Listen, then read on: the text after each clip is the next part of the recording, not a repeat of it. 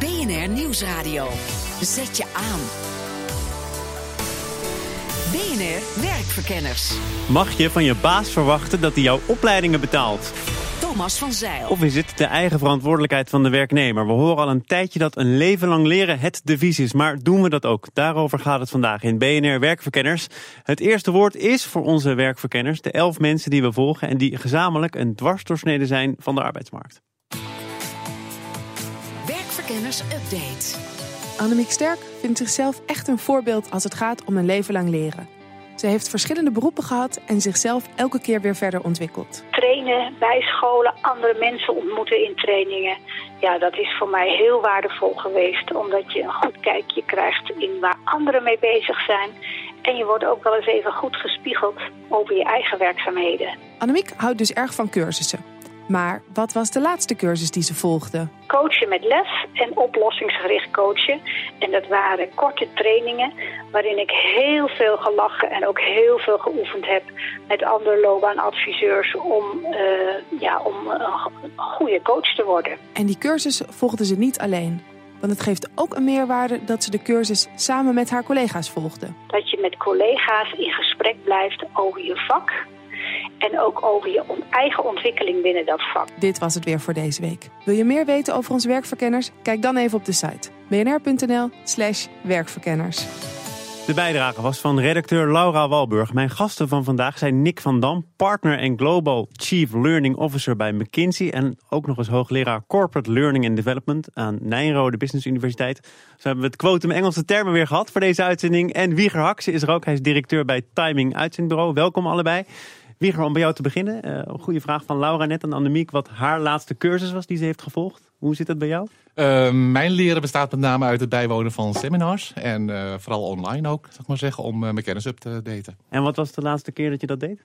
Uh, ging met name over het social internet opzetten en hoe je dat interactief kunt, uh, kunt weerzetten. En ben je dan in een middagje redelijk bijgeschoold en Uh, bijgepraat? in ieder geval geïnspireerd en dat geeft een aanleiding om met bijvoorbeeld leveranciers om tafel te gaan om de fijne kneepjes te horen. En Nick, jij hebt er een halve minuut langer over kunnen nadenken. Wat was jouw laatste cursus? Ja, ook snel eigenlijk. Uh, ik was naar een congres geweest van Michael Porter een paar weken geleden in Rotterdam op RSM. Um, over value creation. Een, mooi, een mooi verhaal. Want wie is hij? Ja, hij is een uh, hoogleraar, hele bekende hoogleraar in, uh, in de Verenigde Staten. Heeft veel geschreven op het gebied van uh, strategie. En verschillende frameworks gemaakt. En ja, wel bekend in, in managementwereld. En hoe bepaal jij waar je heen gaat? Waarvan je denkt, hé, hey, daar moet ik wat meer van weten daar is een cursus misschien wel op zijn plaats? Ja, door eigenlijk met heel veel uh, mensen te praten, met collega's te praten. En, uh, en, en echt aan de hand daarvan te zien van, goh, wat, wat zijn nieuwe gebieden waar ik eigenlijk nog niet genoeg van af weet. En als je vaak je verdiept in iets, dan kom je ook weer tot nieuwe inzichten. En hé, hey, daar moet ik uh, dieper in. En dan ga je naar internet of je, je belt iemand op. En, maar dat moet je dan zelf wel in de gaten hebben, zo'n terrein waar je nog niet genoeg van weet. Absoluut. Hoeveel mensen hebben dat besef?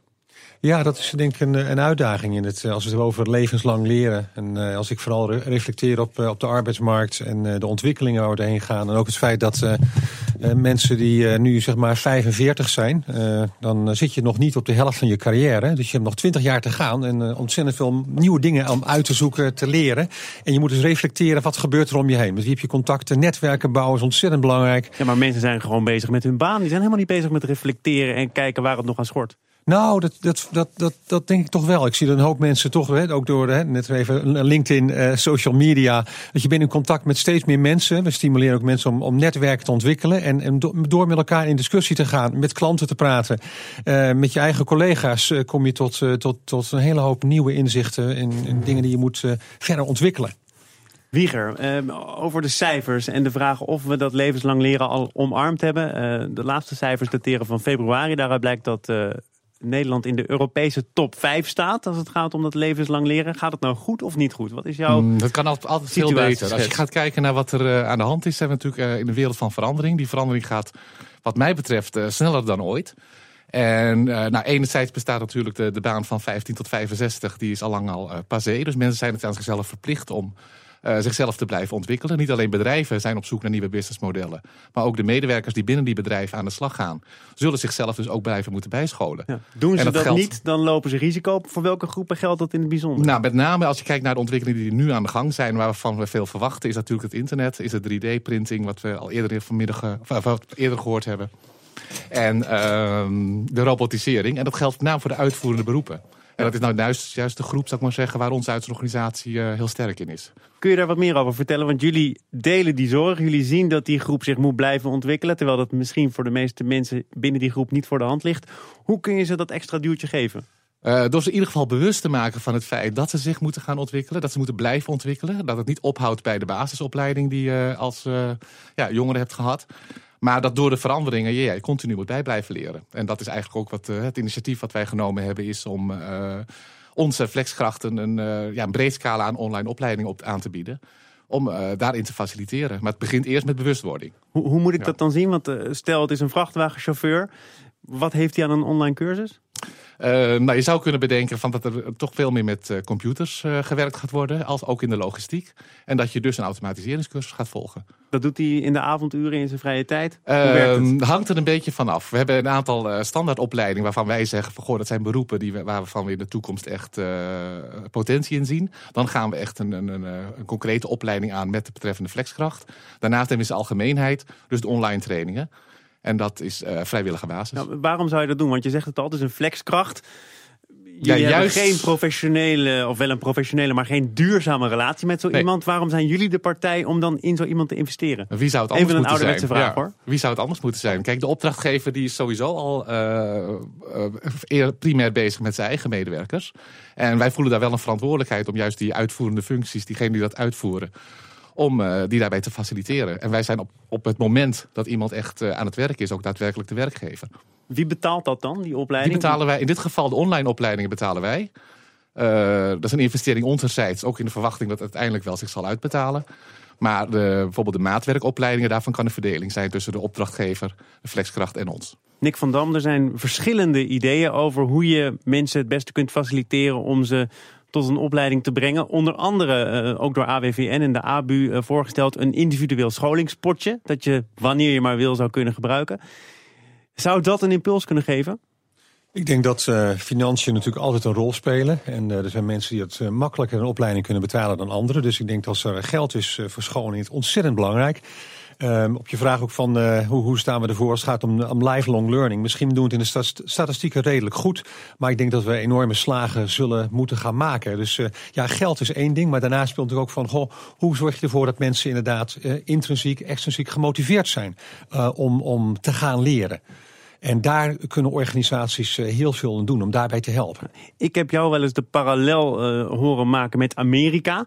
Als je daar geen baan hebt, werkeloos raakt, dan kun je niet rekenen op een sociaal vangnet. Waardoor mensen ook vanuit zichzelf veel meer gemotiveerd zijn om up-to-date te blijven. Misschien kun je uh, het gelukkig vinden dat wij in Nederland het sociale vangnet wel hebben. Maar de noodzaak om dus je hele leven lang te blijven leren is niet zo direct voelbaar. Ja, eigenlijk Amerikanen zijn allemaal ZZP'ers. Je hebt uh, nauwelijks een arbeidscontract. Kan iedere dag uh, kan die opgezegd worden. met of zonder reden. Dus je moet continu nadenken van goh, wat, wat ben ik aan het doen? kan ik waarde blijven creëren voor mijn organisatie? Wat is mijn huidige rol? Hoe kan ik goed in, goed in blijven? Maar ook in wat wordt mijn volgende rol? In, in, in misschien een andere organisatie. Dus mensen zijn heel erg bewust van hun eigen ontwikkeling en wat voor impact het heeft eh, op hun toekomstige mogelijkheden. Maar Nederlanders voelen die pijn dus onvoldoende om uit zichzelf over te gaan tot scholing. Nou, je ziet toch wel dat er ook, dat zie ik op Nijrode ook bijvoorbeeld wat hoger opgeleide, maar dat je ziet steeds meer mensen die zeggen: Goh, ik heb inderdaad nog 20, 25, 30 jaar heb ik een, mooi arbeidsproces waar ik in zit. Ik moet zorgen dat ik die aansluiting blijf houden bij de arbeidsmarkt. Ik moet ook heel goed nadenken waar mijn carrière naartoe gaat. En zorgen dat ik inderdaad toch investeer in, in opleidingen. Dus ik zie absoluut een kentering daarin dat mensen steeds meer hiervan zich van bewust worden. Ja, niks in leert het. Wieger, jij hebt over jullie eigen initiatief al gezegd, als 10% van al onze flexkrachten daaraan gaat deelnemen, dan ben ik al tevreden. 10% die ja. zich hier actief mee gaat bezighouden. Dat klopt. Dat zijn uh, ogenschijnlijk heel erg bescheiden doelstellingen. Uh, nou ja, kijk, in eerste instantie wat je ook al eerder hebt aangegeven... betekent wel dat je zelf je ertoe moet aanzetten. Je moet die zelfdiscipline hebben. Je moet die noodzaak ervaren. Je moet het waarschijnlijk ook nog buiten je eigen, binnen je eigen, werktijd, of eigen tijd doen. Dus uh, eigenlijk eerlijk gezegd, de eerste weken hebben we nu, zijn we nu live gegaan met een bepaalde platform. En uh, zijn de resultaten overweldigend. Want bijna 34% van degenen die een account aanmaken, hebben ook daadwerkelijk een opleiding gevolgd. Ja, maar hoeveel mensen maken dan een account aan, is de volgende vervelende vraag. Uh, we hebben de 18.000 nu een mailing gestuurd. Dus. Oké, dus dat is heel aanzienlijk. Ja. Deel jij mijn zorg dat misschien er nog onvoldoende pijn gevoeld wordt voor medewerkers om extra te gaan scholen? Absoluut. Ja, we zullen steeds ja, zullen echt heel bewust moeten maken van de veranderende wereld. En met name natuurlijk ook als flexwerker.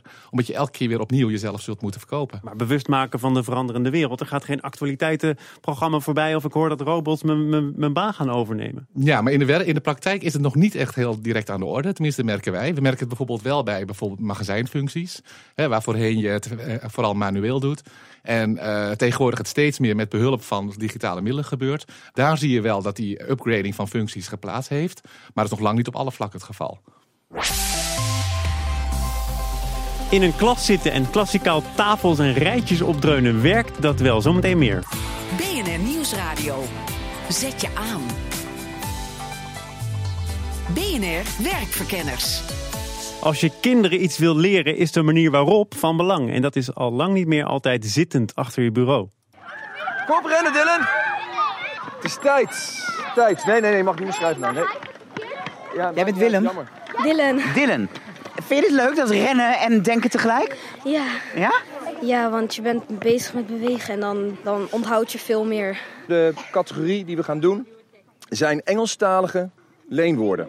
Denk er heel even over na en dan uh, geef ik het seintje als we gaan beginnen. Ja? Leraar Niels Rolleboom, Engelse leenwoorden, wat moeten ze nu doen? Ze rennen naar deze stoelen toe. Dat klopt. En dan schrijven ze het woordje op en ze proberen in die drie minuten zoveel mogelijk van die woorden op te schrijven. En ze mogen met elkaar overleggen in groepjes. En in de klas gaan we straks eventjes kijken van nou, welke voor woorden hebben ze, hoeveel hebben ze er om spelling te oefenen. Ik uh, ga hem starten. Klaarstaan en go! Even kijken, wat ga je opschrijven? Computer. Is dit nou meer gym of meer Engelse les? Het is geen Engelse les. Het is vooral spelling. En bij spelling is dat ze ook meteen in beweging zijn, zodat ze ondertussen ze zijn aan het nadenken. De beweging zorgt ervoor dat een hersenactiviteit wordt, dat ze gefocust zijn, scherp zijn, gemotiveerd zijn. En dat ze daar weer eventjes opgefrist worden en weer oefenen voor als ze straks, nou ja, dat ze die woorden allemaal gewoon gaan kennen. En ze zijn met elkaar in overleg. Allemaal vaardigheden die terugkomen, samenwerken, bewegen. Ja, hebben jullie hier op de Lea Dasberg school in eh, Arnhem geen gymleraar? Ja, hebben we zeker. Zij doet haar lessen in de gymzaal ook gewoon. En dan is het echt specifiek op de bewegingen die ze doen, op de motoriek. En, en ja, en wij pakken hier wel dingetjes bij. Maar hier is vooral om de kinderen gefocust en gemotiveerd te houden. Dat ze gewoon meer bewegen. Is gewoon gezond voor hun lichaam. Maar niet alleen voor hun lichaam, het is ook gewoon goed voor hun hersenen. Dat er meer, uh, dat er meer hersenactiviteit in beweging is. En dat ze gewoon lekker, uh, lekker bezig zijn. En nu zijn ze gemotiveerd. Als ik een dicteetje in de klas ga doen, schrijven ze de helft van de woorden op. En ze zijn minder gemotiveerd. Het helpt echt? Het helpt zeker, ja zeker. Ja. Alleen zoveel kinderen hebben moeite zich te concentreren. Je hoort dat steeds meer kinderen aan de Ritalin zitten.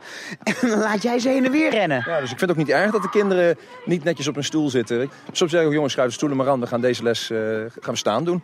Of uh, ja, als, als, een beetje, als hij op zijn, uh, met zijn knie op de stoel gaat zitten, ja, is dat heel erg? Als hij zijn werk doet, vind ik het prima. Als hij zich beter kan concentreren daardoor, ik vind het goed. Dus zometeen gaan we terug naar de klas toe en dan gaan we een rekenles doen. Ja, dan is het bedoeling dat ze weer even die focus erop zetten. En ook dan zitten er stukjes lopen en beweging en staan in, maar, maar niet uh, rennen en dat soort zaken. Dus dat is meer, uh, ja, die, die afwisseling moet er gewoon in zitten. Eén moment. Jongens, het is tijd! Woordje afschrijven. Goed zo. Wat was het woordje dat je hebt opgeschreven? Waveboard. Wat is dat? Dat is een skateboard. Oh, een skateboard? nee, ik heb waveboard, maar hoe moet je dat uitleggen? Zullen we even vragen, waveboard, is het goed? Soort, ja, het is wel goed. Ja, het is een skateboard die, uh, wat, wat de voor- en de achterkant een beetje los van elkaar beweegbaar zijn. En dan zigzaggen ze leiden over de straat. Ik hoor het al, een, een docent die helemaal bij de tijd is. Doe mijn best. hey, jongens, doe je slippers weer aan. En dan gaan we zachtjes naar de klas. Higo Krant op het schoolplein. Uh, bij mij te gast zijn Nick van Dam, partner en Global Chief Learning Officer bij McKinsey. Tevens voorzitter van de stichting e-learning for kids. En Wieger Hakse, directeur bij Timing Uitzendteam. Nick, jij bent ook een groot pleitbezorger van digitaal leren, zowel voor kinderen als voor werknemers. Wat is het grote voordeel van digitaal, van online? Nou ja, een, een groot voordeel is natuurlijk schaalbaarheid. Je maakt één keer een cursus en die kun je in geval voor, voor kinderen kun je wereldwijd door miljoenen kinderen laten volgen. Dat is dus fantastisch. Een tweede is dat het ook eh, meer individueel is. Je gaat op je eigen tempo door een eh, cursus heen. Uh, daarnaast ook een sociaal component zit erin. Je kan met twee, drie kinderen aan een computer zitten om activiteiten te, door te lopen. En, en in het bedrijfsleven natuurlijk hetzelfde verhaal. Je kunt eigenlijk mensen laten leren op het moment dat ze het leren nodig hebben. Ze kunnen het op elke locatie doen waar waar ze, willen. nu met eh, de smartphones en tablets, fantastische mogelijkheden om eh, on-demand te leren. Ehm, dus eh, schaalvergroting, snelheid, kosten en, en meer kunnen doen. Ik denk dat het heel belangrijk is, sneller competenties kunnen ontwikkelen. Critici zeggen het wordt ook vrijblijvend. je kunt de soft skills, het samenwerken, het sociale element juist niet goed toetsen en verbeteren. Wat zeg jij tegen die critici? Ja, ik denk dat je heel goed moet kijken naar verschillende uh, werkvormen. Uh, blended learning is uh, een hele grote trend momenteel in het bedrijfsleven. Waarbij je Wat kijkt. Uh, blended learning. Waar het om gaat is eigenlijk dat je zegt van uh, een, een flipped classroom. Waarbij je kennisoverdracht vooral digitaal doet. En vervolgens breng je mensen samen in een klassieke, klassikale situatie. Of op de werkvloer om met mensen te praten over. Goh, wat heb je geleerd en hoe gaan we het dan toepassen? Dus die vaardigheden vooral. Uh, en toepassen van kennis. Samen ermee aan de slag gaan. dat doe je eigenlijk in een klassikale situatie. Maar kennis opdoen, online. Dus het eerste stapje zet je dan digitaal en vervolgens bespreek je dat klassikaal met mensen die je niet per se hoeft te kennen vanuit hetzelfde bedrijf. Um, nou ja, dat, dat kan natuurlijk allebei. Hè. In, een, in een business school heb je natuurlijk mensen uit allerlei soorten organisaties. Maar in een bedrijf heb je gewoon mensen uit je bedrijf in een klas zitten... die uh, gezamenlijk aan de slag gaan met uh, watgene wat ze geleerd hebben. Wieger, ook jullie kiezen vooral voor online, veel online cursussen. Telt voor jullie dan ook niet dat mogelijke bezwaar van te vrijblijvend, kijken of ze het wel doen? Is het vooral een, een kostenoverweging geweest of schuilt er iets anders achter? Nou, de primaire reden is in eerste instantie de schaalbaarheid van, van wat ook al eerder aangegeven is. Daarnaast staat het niet op zich. We hebben ook gewoon de, de reguliere opleidingen. En dit is eigenlijk echt uh, puur bedoeld, de online opleiding, om, om jezelf te ontwikkelen. Daarnaast kennen we wel een, een, een specifieke app voor onze werknemers. Dat klinkt um, ook nog steeds redelijk online en digitaal. Ja, maar daarin heb je dus een, een leer meer module waarin je een aantal uh, ja, beroepenoriëntaties kunt doen. En door dat bijvoorbeeld te combineren met gamification, je geeft daar een beloning voor en je kunt daarmee wat uh, extra winnen. Uh, ja, vergroot je het enthousiasme om deel te nemen. Kosten zijn logischerwijze een overweging, heel begrijpelijk. Maar zou je ook niet als werkgever kunnen denken: ja, dit is zo belangrijk, dit is mijn menselijk kapitaal, daar hoef ik niet op een dubbeltje meer of minder te gaan kijken, Nick? Uh, nou ja, je kijkt natuurlijk, als, je, als we het hebben over het ontwikkelen van mensen, zullen we alleen maar veel en veel meer moeten gaan doen. Hè? Werkgevers meer moeten gaan investeren in mensen. En werknemers zullen zelf ook veel meer moeten gaan doen. Uh, dus die kosten, uiteindelijk zie je dat de kosten omhoog gaan. Bedrijven geven aan dat ze meer gaan uitgeven aan learning and development. Daar ben ik ontzettend blij mee. maar daarnaast, je wilt het ook effectief doen, efficiënt doen. En dan te komen tot een goede mix van, van verschillende werkvormen. ja, dat doet het eigenlijk. Betekent efficiënt en effectief doen ook dat de werkgever bepaalt uh, welk type scholing en op welk thema mensen zich verder ontwikkelen? Of vind jij dat dat ook aan de werknemer zelf zou moeten zijn? Nou, ik denk dat het allebei zo is. nee, kant, dat is te genuanceerd. Vind je genuanceerd? Oké, okay. nou laat ik zeggen, ik denk dat, uh, dat, uh, dat de werknemer een hele grote mate van, van invloed heeft op wat er, wat er gebeuren moet qua ontwikkeling. Hij of zij moet zich voorbereiden voor zijn volgende rol, zijn carrière. Nou, wat is die volgende rol? Want die wordt natuurlijk ook voor een deel bepaald door zijn werkgever. Nou ja, voor een deel wel, maar voor een deel ook niet. Ik denk dat we terugkomen bij een soort emancipatie van, uh, van de werknemer. Hè? En ook als het gaat om ontwikkeling. Dat je zelf steeds meer aan het roer zit van je eigen carrière, je eigen ontwikkeling. En dat je niet alleen om je heen kijkt wat je werkgever uh, denkt wat je volgende rol is. Het zal een samenspel moeten zijn. Maar ik denk dat er steeds meer verantwoordelijkheid ligt, komt te liggen bij de werknemer. Het staat of valt denk ik ook met je intrinsieke motivatie. Kijk, als jij zelf niet, niet de, de, de, de motivatie hebt om die bepaalde opleiding te gaan volgen, zal er ook bijna weinig blijven hangen. Ja, dat herken je misschien nog wel in middelbare school van die vakken die je wat minder leuk vond. Ja, daar doe je op latere leeftijd vaak niets meer mee. Wat staat er nog op jouw uh, verlanglijstje? Uh, ja, mijn vak is innovatie. Dus alles wat heeft te maken met digitalisering en de blockchain technologie en dat soort zaken, dat interesseert mij mateloos. Ik uh, ga jou daar ongetwijfeld uh, nog vaker over horen, maar niet meer vanmiddag, want uh, deze uitzending zit erop. Nick van Dam was er, dank daarvoor. Partner en Global Chief Learning Officer bij McKinsey. En Wieger Hakse, directeur bij Timing Uitzendteam. Zoals ik al zei, we zijn bijna door deze uitzending heen. U krijgt van ons natuurlijk nog wel de wekelijkse arbeidstips. Vandaag, hoe concentreer ik me op een lawaaiige werkvloer? Werktips. Tip nummer 1. Probeer zoveel mogelijk anticyclisch te werken. Teamcoach Rosemarijn Dols. Daar bedoel ik mee, probeer de uren te pakken waarin het wat rustiger is... en sluit daarbij zoveel mogelijk aan op je bioritme. De ene is goed geconcentreerd tussen 8 en 10 s morgens... en de andere tussen 12 en 2. Weet waar je gaat pieken en sluit dat goed af. Tip nummer 2. Zie het als een kans om je te leren concentreren. Leiderschapstrainer Manfred van Doorn. Werk met oordopjes, werk met earphones en wees geconcentreerd en zie het als een uitdaging. Sommige mensen gaan in een café werken omdat ze dat uh, geroezemoes juist zo uh, behulpzaam vinden voor uh, concentratie. Tip nummer 3. Probeer het omgevingsgeluid te overstemmen met goede muziek. Met muziek die je lekker op een koptelefoon kan luisteren. Directeur Gordcoaching Thomas Gakeer. Ga op zoek naar een muziekstijl waar je lekker bij kunt werken. En zorg ervoor dat die muziek natuurlijk het geluid om je heen overstemt. En als dat echt niet werkt, heb ik nog wel een andere tip voor je. Die gebruik ik zelf ook. Dat zijn oordopjes of een koptelefoon. En die maken antigeluid. Die zijn op de markt, die kun je gewoon kopen. Je hoeft er niet eens muziek bij te luisteren, dus je hoeft ze niet aan te sluiten. Maar als je dat apparaat aanzet, dan maakt die antigeluid en je hoort helemaal niks meer van de omgeving. Sterker nog, mensen moeten echt hun best doen om je aandacht te trekken. Ze moeten gaan zwaaien of je echt heel hard gaan roepen. En dan pas hebben ze je aandacht, maar jij kunt wel lekker rustig werken.